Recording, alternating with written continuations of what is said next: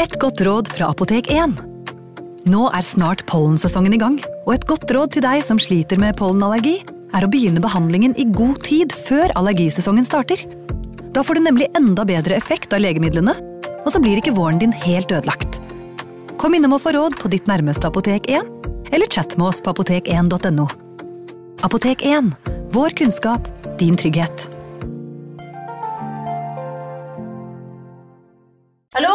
Jeg kommer fra Oslo politikammer.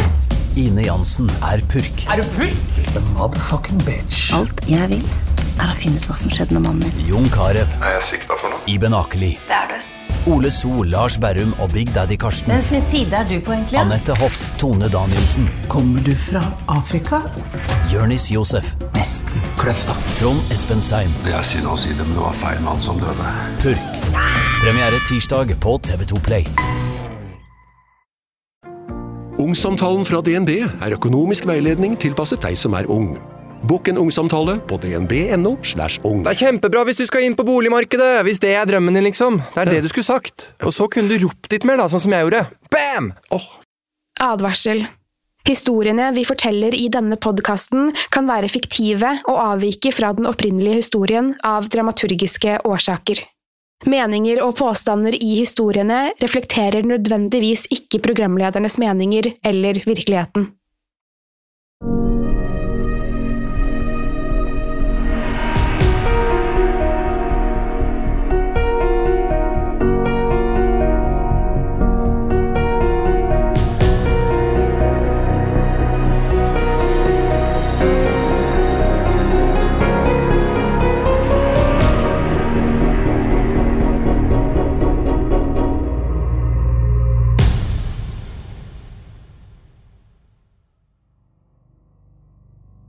Broren min har alltid drømt om å bli en stor filmskaper.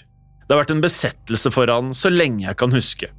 Han fikk et videokamera da han var åtte, og siden den gang har han filmet alt han kom over.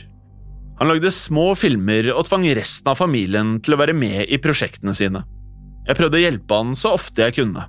Det var egentlig ganske søtt at han ble så oppslukt av dette. Etter hvert så jeg en tydelig forandring i broren min. Jeg vet ikke akkurat hva som forårsaket det, men det var åpenbart for alle.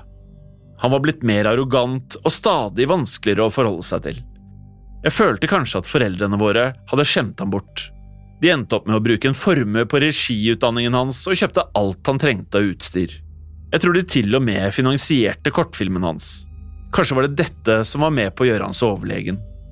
Han var i hvert fall i ferd med å bli en klisjé. Han så på seg selv som en kunstner med en helt unik visjon. Dermed så han heller ingen grunn til å behandle oss andre med respekt. Jeg skulle ønske jeg hadde gitt han langt mer motstand. Det begynte i tenårene. Han kjeftet og slo meg dersom jeg ikke gjorde alt på hans måte. Jeg burde sikkert ikke ha tillatt han å oppføre seg sånn, men jeg lot han fortsette. Når jeg ser tilbake, innser jeg at vi ikke hadde et sunt forhold. Han gjorde aldri noe helt forferdelig, men han oppførte seg som en bølle. Han hadde en egen evne til å kontrollere andre, og på den måten få viljen sin. Det var umulig å stå imot han, i hvert fall for meg. Han hadde en spesiell evne til å finne mine svake punkt. Med noen velvalgte ord kunne han rive meg fullstendig ned. Jeg endte opp med å føle meg helt ubrukelig. Dette begynte tidlig, og etter hvert begynte jeg å tro på det han sa. Jeg ble så redd for å møte verden på egen hånd, og tillot dermed broren min å behandle meg på denne måten. Frykten for å ende opp alene gjorde at jeg ikke turte å gi slipp. Foreldrene våre døde tidlig, og jeg hadde ikke kontakt med resten av familien. Jeg hadde heller ingen nære venner. Det var bare broren min og meg. Uten han hadde jeg ingenting. Derfor gjorde jeg alt han ba om. Jeg var som hans personlige assistent. Hvis han hadde lyst på kaffe, dro jeg og kjøpte det til ham. Jeg hjalp til på filmproduksjonen hans, skaffet skuespillere og kjøpte inn det han trengte av utstyr. Filmene hans ble etter hvert mørkere og mer surrealistiske. Det var korte, men fryktinngytende filmer som skremte vettet av meg. Noen av dem var bare bisarre. De hadde ikke noe plott og fremsto som en serie med tilfeldige bilder. Det var umulig å forstå hva han ønsket å oppnå med disse merkelige filmene. Han lagde også korte dokumentarer, men disse var like uforståelige. De handlet om mordere og kriminelle, og viste grusomme voldshandlinger. Filmene inneholdt helt tilfeldige scener som viste tortur av både mennesker og dyr. Han satt ofte våken om nettene og stirret på disse forstyrrende videoene. En dag fortalte han meg at han var i gang med et helt nytt filmprosjekt. Han hadde hørt en historie fra filmbransjen som hadde fascinert han. Det var en slags vandrehistorie som kun en håndfull mennesker turte å snakke om. Historien handlet om noe som het Bedre film. Visstnok skal dette ha vært et produksjonsselskap, eller kanskje en enkeltperson, som lagde veldig obskure skrekkvideoer. Disse filmene var visstnok kun tilgjengelige på VHS-kassetter, og de var svært vanskelige å oppdrive. Ingen kunne fortelle hva disse filmene handlet om, men ryktet sa at de var svært forstyrrende. Vi kom i kontakt med en person som hevdet å ha møtt to representanter fra Bedre film. De hadde vært kledd i røde dresser og sett fullstendig fryktinngytende ut. Han beskrev dem som mutilerte. Den ene hadde manglet et øre og det ene øyet. Den andre hadde manglet nesen og den ene hånden. Dette så visstnok ut til å være ganske ferske amputasjoner. De hadde gitt han et forretningskort som viste en tegning av et surt ansikt. Under tegningen sto det Bedre film for et bedre publikum. På kortet var det også en webadresse hvor man kunne kjøpe filmene. Det hadde riktignok ikke vært noen åpenbar måte å bestille filmene på denne nettsiden. Etter en uke hadde det likevel dukket opp en søppelsekk med videokassetter. Det var ingen informasjon på dem, annet enn Bedre film-logoen. Vi spurte om vi kunne få se filmene, men han nektet å dele dem med oss. Uansett hvor mye penger vi tilbød, var han like bastant. Til slutt fikk han nok. Jeg kjenner din type, sa han til broren min. Du leter alltid etter noe som kan sjokkere deg. Jeg vet hva du er ute etter. Jeg håper likevel at du lytter til min advarsel. Dette er ikke underholdning. Du er ute etter blod, gørr og ekte drap. Du søker noe virkelig ekstremt som du kan more deg med. På disse kassettene er det ting som selv ikke du kan forestille deg. Uansett hvor ekstrem fantasien din er, er dette verre. Jeg kommer ikke til å vise kassettene til noen, i hvert fall ikke en pervers tulling som deg. Broren min ble rasende og stormet ut, og jeg fulgte like bak. Hold deg unna den gærningen, ble ropt etter meg. Jeg hørte at det var en genuin bekymring i stemmen hans. Jeg burde ha lyttet til dette rådet, men på dette tidspunktet var det ingenting som ville få meg til å forlate broren min, og derfor fortsatte vi å utforske bedre film sammen. Etter hvert gjorde vi noen store oppdagelser. Visstnok skal bedre film ha eksistert så tidlig som på 60-tallet, mens andre hevder at selskapet ble startet enda tidligere. En dag kom broren min i kontakt med en kvinne som hevdet at hun jobbet for bedre film. Jeg hadde begynt å tro at hele historien bare var oppspinn. Kanskje fantes det et selskap som produserte filmene, men jeg nektet å tro at de var så ekstreme som alle ville ha det til. Nå hadde vi endelig kommet i kontakt med en person som kunne gi oss svar på alt vi lurte på. Beskrivelsen matchet den vi hadde fått tidligere, hun hadde knallrødt hår og gikk en rød dress. Hun hadde også flere synlige skader på kroppen. Hun manglet et øre, et øye og nesen. I tillegg var tre fingre på høyrehånden hennes kappet av. Jeg forsøkte å ikke stirre, men skadene var så stygge at det var vanskelig å ikke reagere. Hun snakket lenge med broren min, men jeg fikk ikke ta del i samtalen, og etter en stund kom broren min bort til meg og sa at han måtte fortelle meg noe. Han fortalte at han hadde fått tillatelse til å bli med på en filminnspilling med bedre film. Her skulle han få møte regissøren og snakke med produsentene. Dette tilbudet kom riktignok med en pris. Broren min hadde blitt enig med kvinnen om å tilby meg som en slags betaling. Denne avtalen innebar å tilbringe en natt med denne kvinnen, der hun kunne gjøre hva enn hun ønsket med meg. Jeg hadde så lyst til å slå han, men jeg klarte å holde igjen. Jeg forsøkte å forklare at han ikke kunne selge meg på denne måten, at jeg ikke var hans slave. Det virket ikke som om han brydde seg. Han mente at det ikke var noe å bli sint for, og at hun hadde lovet å ikke skade meg. Det var åpenbart at han uansett ikke brydde seg om hva som skjedde med meg. Jeg prøvde å sette ned foten, men jeg visste at jeg var sjanseløs. Han snakket rolig og forklarte at han ikke hadde noen intensjon om å tvinge meg. Du kan nekte, sa han. Akkurat som jeg kan nekte å hjelpe deg. Det er sikkert mange jobbmuligheter for stygge, talentløse idioter som deg. Hvem vet, om noen år kanskje du får råd til et eget sted å bo? En falleferdig leilighet som du deler med kakerlakker og andre gnagere?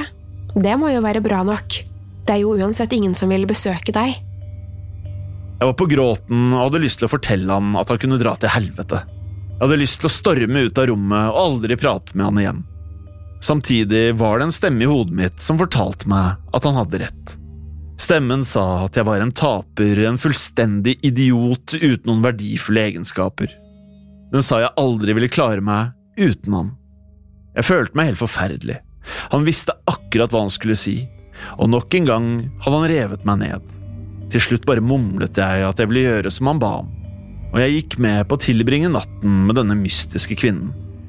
Jeg skulle møte henne på et nedslitt hotellrom. Hun hadde booket rommet og ba meg komme dit alene. Det eneste jeg måtte ha med meg, var et videokamera. Jeg følte meg livredd mens jeg gikk mot hotellrommet. Hva i all verden var det hun tenkte å gjøre med meg? Hva var det som ventet meg på hotellrommet? Hvis hun bestemte seg for å drepe meg, ville nok ingen finne ut av det. Broren min hadde ikke meldt meg savnet, og han ville sikkert hjulpet henne med å begrave liket mitt.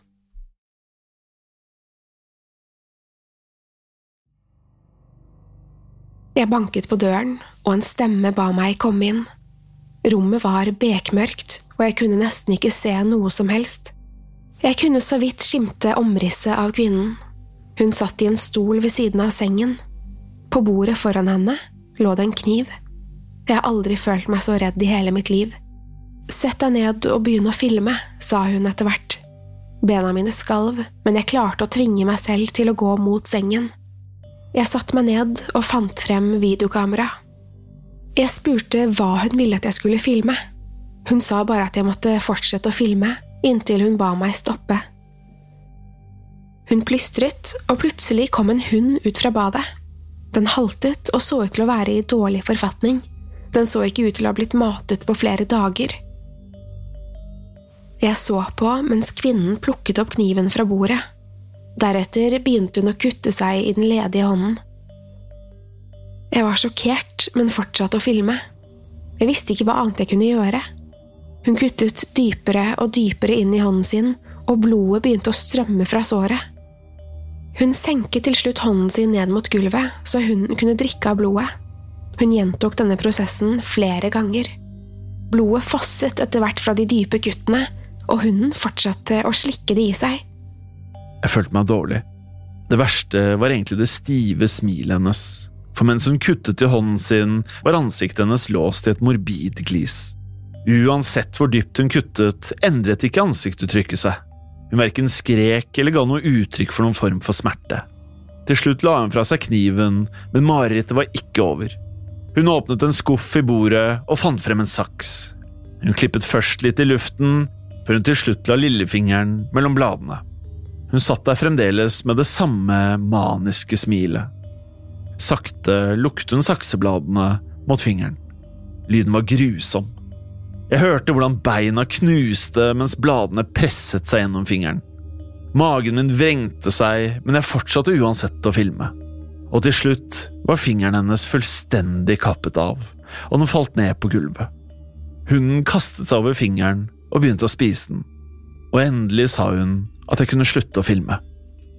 Jeg satt der og ristet mens jeg forsøkte å ikke kaste opp. Jeg forsto ikke hva som foregikk, eller hvorfor hun hadde bedt meg om å komme hit. Jeg vet ikke om jeg ville vite det heller. Plutselig skjøt armen hennes ut og grep tak i benet mitt. Hun kom tett inntil meg. Det maniske smilet hennes var borte, nå var ansiktet hennes fullstendig skrekkslagent. Jeg har aldri sett slik frykt i en annen person. Øynene hennes spratt opp og ned, og hele kroppen hennes ristet. Blodet fra hånden hennes sprutet over hele meg. Hjelp meg, sa hun til slutt. Ordene var desperate og føltes som om de ble presset frem. Det var som om det var smertefullt for henne å prate. Det kom ut som et lite patetisk klynk. Vær så snill, hjelp meg, hun kommer til å drepe oss alle. Skjønner du? Hun kommer til å drepe oss. Plutselig sluttet hun å snakke. Hun gurglet som om noen kvalte henne. Det var da jeg innså at vi ikke var alene i rommet. I mørket sto det en annen kvinne. Hun var kledd i en smoking og hadde en hvit lateksmaske over hodet. Masken dekket hele ansiktet hennes, og det var heller ikke hull til øynene. Hun hadde stått der helt urørlig i mørket. Jeg visste ikke om hun kunne se gjennom masken, men det føltes som hun stirret rett på meg. Nå følte jeg meg enda reddere. Hjertet mitt hamret i brystet mitt, og hårene reiste seg i nakken. Jeg visste jeg måtte bare komme meg ut derfra. Jeg reiste meg brått og begynte å løpe. Løp ut av rommet, gjennom korridoren, ned trappen og mot parkeringsplassen. Jeg fortsatte bare å løpe vekk fra hotellet. Dagen etter dukket den mystiske kvinnen opp hos broren min. Hun smilte fra øre til øre og takket meg for sist. Broren min stilte ingen spørsmål om hva som hadde skjedd. Han brydde seg antageligvis ikke uansett. Han var bare glad for å høre at hun skulle introdusere han for regissøren. Hun gjorde det klart at det kun var broren min som var invitert, noe som ikke var noe problem for meg. Broren min var overlykkelig. Endelig skulle han lære mer om bedre film. Han gledet seg til å prate med regissøren og endelig få noe nytt materiale til dokumentaren sin. Jeg hatet han av hele mitt hjerte, men hadde likevel lyst til å advare han. Han var kanskje et rasshøl, men han var tross alt broren min. En liten del av meg var fremdeles bekymret for hva som kunne skje med ham. Jeg sa ingenting og så på da han forlot leiligheten med den mystiske kvinnen. Jeg ventet på at han skulle komme tilbake. Det gikk flere timer, og etter hvert begynte jeg å bli bekymret. Da det ble kveld, bestemte jeg meg for å ringe politiet. De forsøkte å berolige meg, men ba meg ringe tilbake dersom han ikke dukket opp i løpet av morgendagen. Jeg ventet, men han ga ikke fra seg noen livstegn. Jeg oppsøkte politiet og fortalte dem om bedre film og den mystiske kvinnen. De virket skeptiske til fortellingen min, som ikke akkurat var så overraskende. Jeg beskrev hotellrommet, hunden og kvinnen i lateksmasken. Jo mer jeg fortalte, jo mer gal følte jeg meg. Det hele hadde vært en syk og bisarr opplevelse. Jeg klarte nesten ikke å tro på min egen historie. Politimennene var høflige og sa at de skulle undersøke saken. De sa at jeg ikke burde bekymre meg, og at broren min sikkert ville dukke opp snart. Ettersom dagene gikk, sluttet jeg å bekymre meg. Jeg følte meg plutselig fri og selvstendig. Endelig slapp jeg hans konstante mobbing og nedlatende kommentarer. Etter hvert fikk jeg tilbake selvtilliten og troen på meg selv. Jeg forlot leiligheten på egen hånd, og etter hvert fikk jeg meg nye venner. Jeg fikk meg til og med en kjæreste. Jeg begynte å lete etter en jobb og ble kalt inn til flere intervjuer. Endelig kunne jeg se meg i speilet og føle meg fornøyd. Jeg var lykkelig for første gang på flere år. For noen måneder siden dukket opp en pakke på døren min. Den hadde ingen frimerker, ingen adresse eller noen annen tekst. Jeg visste ikke om den var til meg eller om den var til broren min. Til slutt bestemte jeg meg for å åpne den. På innsiden var det en videokassett, og på etiketten sto det vi lager dokumentarer også. Jeg var både bekymret og nysgjerrig. Jeg ville ikke vite hva som var på kassetten, men jeg følte samtidig en trang til å se på den. Jeg gikk bort til TV-en og dyttet kassetten inn i den gamle videospilleren. TV-en begynte å spille en video av broren min og meg. Det var opptak av oss mens vi snakket med ulike mennesker om bedre film. Noen hadde filmet oss mens vi var ute og samlet informasjon, og det virket nesten som de fulgte etter oss hvor enn vi gikk. Innimellom zoomet inn på broren min, og det virket som om fotografen fokuserte ekstra på ham. Hvor lenge hadde de egentlig filmet oss? Etter en liten stund ble det bare snø på skjermen. Jeg tenkte at filmen var over, men jeg tok feil. Et kraftig rødt lys strømmet ut av TV-en. Det var akkompagnert av stemmer som skrek i smerte. Etter hvert så jeg et menneske på skjermen. Det var broren min. Under han var det en labyrint av piggtråd. Store metallkroker var stukket inn i huden hans, og han dinglet fra taket. Også kroppen hans var pakket inn i piggtråd. Den slynget seg som en slange og etterlot han med mange blodige kutt over hele kroppen. Han hadde åpenbart blitt utsatt for grusom tortur. Han manglet en hånd, et ben og begge ørene. Leppene hans var kuttet av og etterlot munnen i et vidåpent, blodig skrik. Det var flere som skrek, men jeg kunne ikke se noen andre i rommet. Det var forferdelige hyl som avslørte en intens smerte. Jeg så frykten i min brors øyne. Kroppen hans ristet mens han gjentok de samme to ordene om igjen og om igjen. Hjelp meg. Jeg ble stående og stirre på det som utspilte seg. Broren min var fanget et sted, i et slags helvete på jord. Hvem vet hva slags andre grusomheter han ble utsatt for? Jeg gikk bort til TV-en og skrudde av. Jeg tok ut videokassetten og plugget ut spilleren og TV-en. Jeg brant videokassetten og visste at jeg aldri ville nevne dette for noen.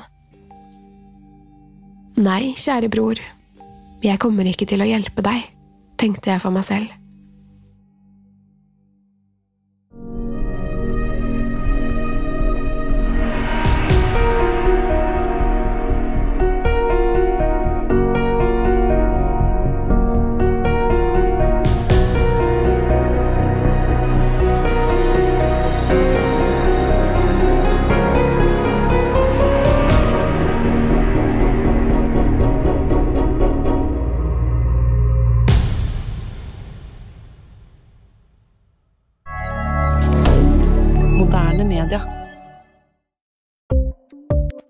Ukens annonsør er Folio, en smartere banktjeneste for deg som har en egen bedrift eller ønsker å starte for deg selv. Folio er en superenkel nettbank for bedrifter. Som kunde i Folio får du en bedriftskonto med et bedriftskort og app. I denne appen er det smarte løsninger som forenkler regnskapet ditt, uansett om du har en liten bedrift eller et enkeltpersonsforetak. Folio er både intuitivt og brukervennlig, og er laget med et enkelt språk. I tillegg tilbyr de forutsigbare priser og ingen skjulte gebyrer. Skulle du likevel trenge det, så kan du snakke med deres raske og hyggelige kundeservice, og der får du prate med en faktisk person og ikke en chatbot. Folio er med andre ord både enklere og koseligere enn banken. Over 10 000 bedrifter har allerede valgt Folio som sin banktjeneste, så besøk folio.no og se hvordan Folio kan forenkle din hverdag også. Har du et enkeltpersonforetak eller en liten bedrift? Da er du sikkert lei av å høre meg snakke om hvor enkelt det er med kvitteringer og bilag i fiken, så vi eh, gir oss her, vi. Fordi vi liker enkelt. Fiken superenkelt regnskap. Kiwi er billigst i VGs matbørs og har vært billigst i fire av de fem siste VGs matbørser. Og nå presser vi prisene på frukt og grønnsaker. På 200 gram broccolini setter vi prisen til 24,90. På 400 gram Cevita blåbær setter vi prisen til 49,90. Og husk, alle Kiwi Pluss-kunder får i tillegg 15% trumfbonus på all fersk frukt og grønt. For det er vi som er prispresserne. Og vi i Kiwi gir oss aldri på pris.